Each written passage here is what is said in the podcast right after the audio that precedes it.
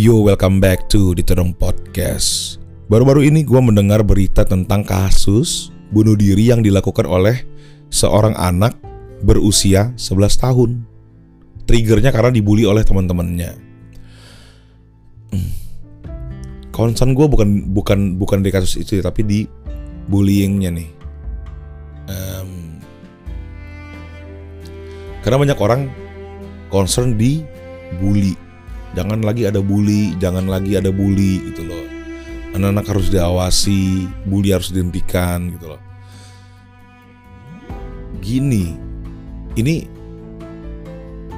sekedar informasi aja gue itu adalah korban bully dulu dari SD sampai SMP. Gue lupa tepatnya kelas 1 kelas 2 lupa gue. Dan end up jadi seorang pembuli juga waktu gue kuliah gitu. Um, bully itu gue gua gua sampai browsing nih. Bully itu ada. Nih kalau kalian mau tahu ada di repository.upi.edu uh, bullying ada sejak kapan katanya? Bullying merupakan bagian dari tindak kekerasan. Sejarah bullying dimulai sejak ratusan ribu tahun yang lalu saat manusia Neanderthal tersisihkan Homo sapiens yang lebih kuat dan lebih berkembang. Jadi bullying itu ada sejak ratusan ribu tahun yang lalu dan pertanyaan adalah kapan bully itu akan hilang gitu?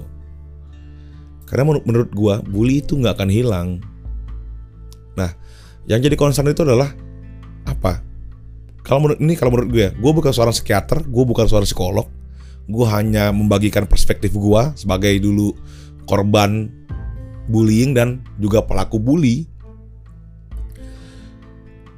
Itu adalah ini loh membangun karakter anak-anak uh, sejak dini gimana cara mereka menghadapi bully yang mungkin saja akan menimpa mereka nih di sekolah di mana pun gitu kan.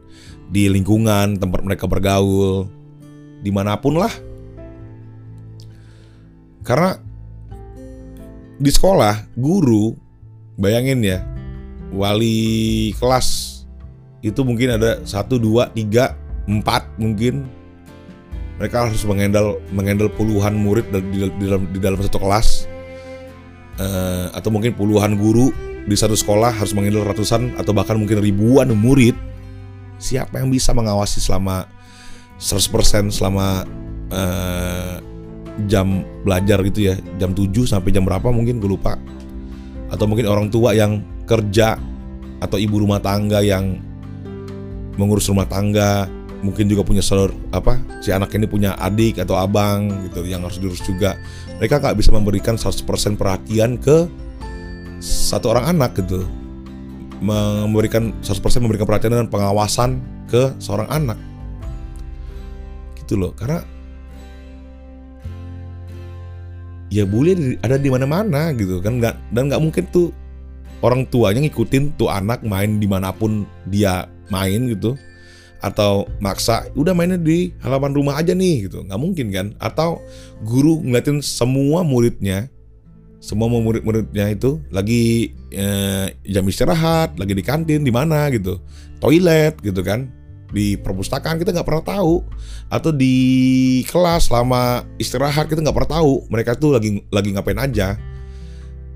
Ini ini ini juga alasan gue kenapa ya? Kenapa gue nggak pernah mengizinkan adik gue untuk ikut study tour?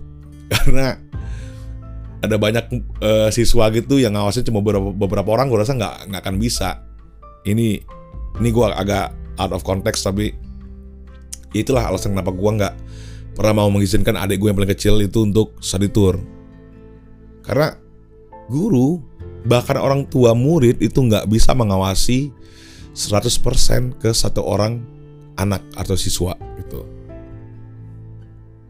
Nah, lagi-lagi nih gue gak ingetkan gue bukan seorang psikiater ataupun psikolog tapi gue membagikan perspektif gue sebagai seorang yang pernah dibully nih. Dan juga jadi pembuli nih gitu kan. Bangun karakter. Karena kalau kita uh, campaign stop bully stop bullying gitu kapan? Kapan bullying itu akan hilang tuh kapan? Kita nggak pernah tahu karena bakal ada terus. Belum lagi kayak sekarang ya uh, arus informasi gitu loh. Entah anak-anak itu mungkin sudah dapat handphone smartphone dari dini gitu dan mereka mendapatkan mendapatkan informasi-informasi yang kita nggak pernah tahu apa gitu kan. Karena nggak semua orang tua itu punya wawasan untuk berpikir ketika ngasih smartphone ke anak itu apa aja sih yang, yang, yang harus difilter atau mau ngecek handphonenya setiap hari setiap malam dan anak-anak juga mungkin semakin pinter kalaupun dicekin mereka bisa hapus history gitu loh history browser ataupun history dari aplikasi-aplikasi kayak TikTok, YouTube dan lain-lain gitu. Twitter mungkin, Instagram apa pun itulah banyak banget sosial media. Iya kan? Makanya gue tuh nggak pernah setuju pemberian smartphone untuk anak-anak SD itu nggak pernah setuju gue. informasi, informasi, informasi yang kadang-kadang tuh bukan informasi yang yang yang positif gitu. Siapa tahu mereka nontonin drama-drama orang-orang berantem lah di di TikTok mungkin atau di Twitter. Apalagi Twitter nggak ada sensornya kan. Uh, TikTok juga banyak banget drama-drama yang mungkin bisa mempengaruhi psikis mereka, mungkin ya, mungkin nih.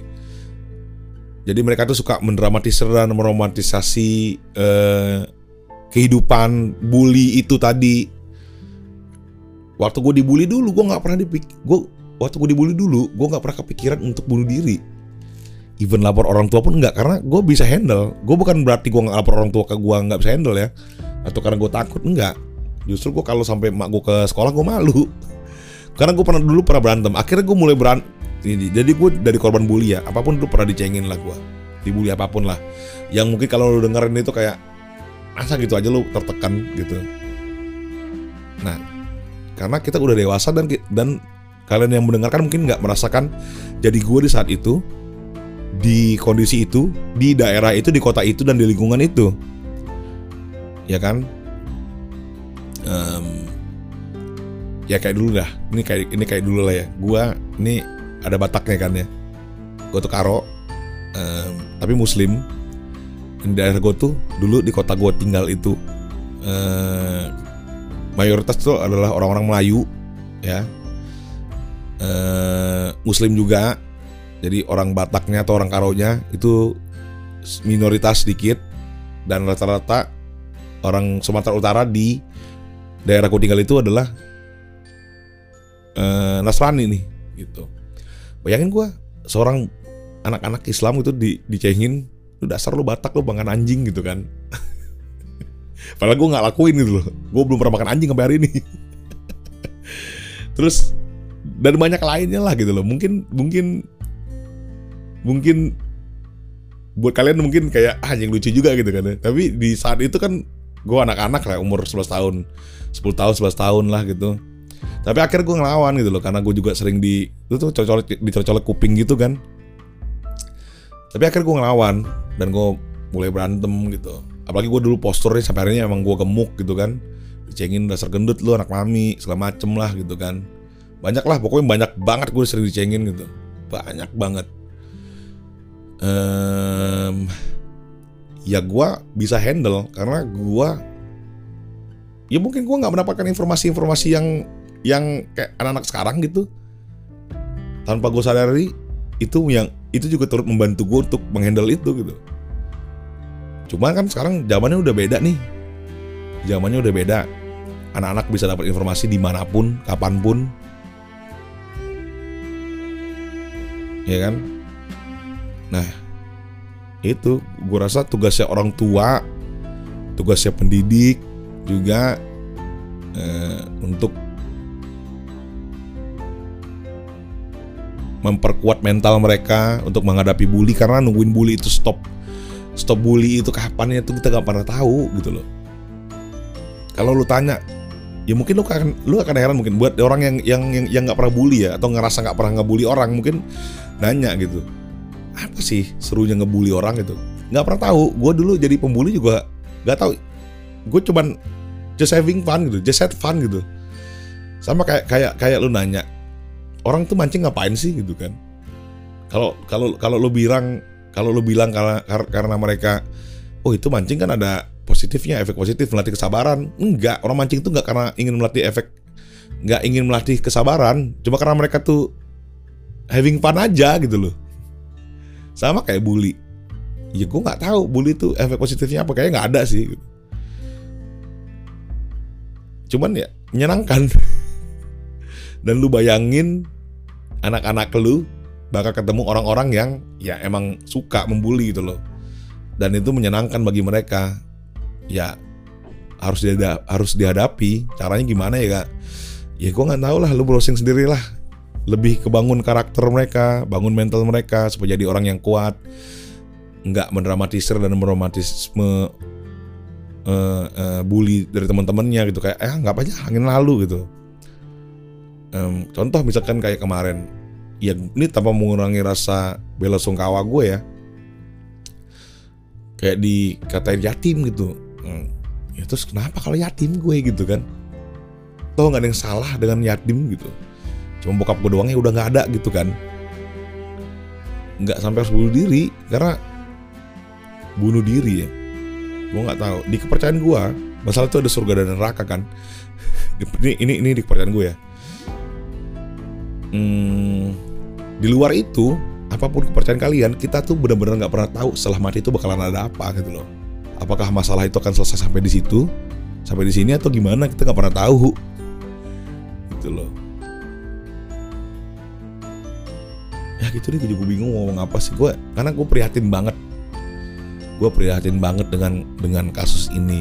Karena aduh mana ya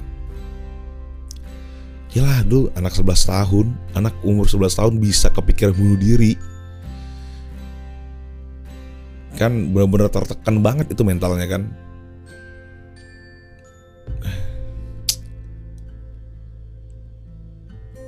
Entahlah gue juga bingung ngomong-ngomong apa.